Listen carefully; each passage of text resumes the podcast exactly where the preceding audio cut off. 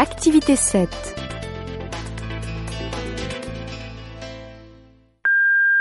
Je m'appelle Jacqueline et je suis venue vous parler de Simone.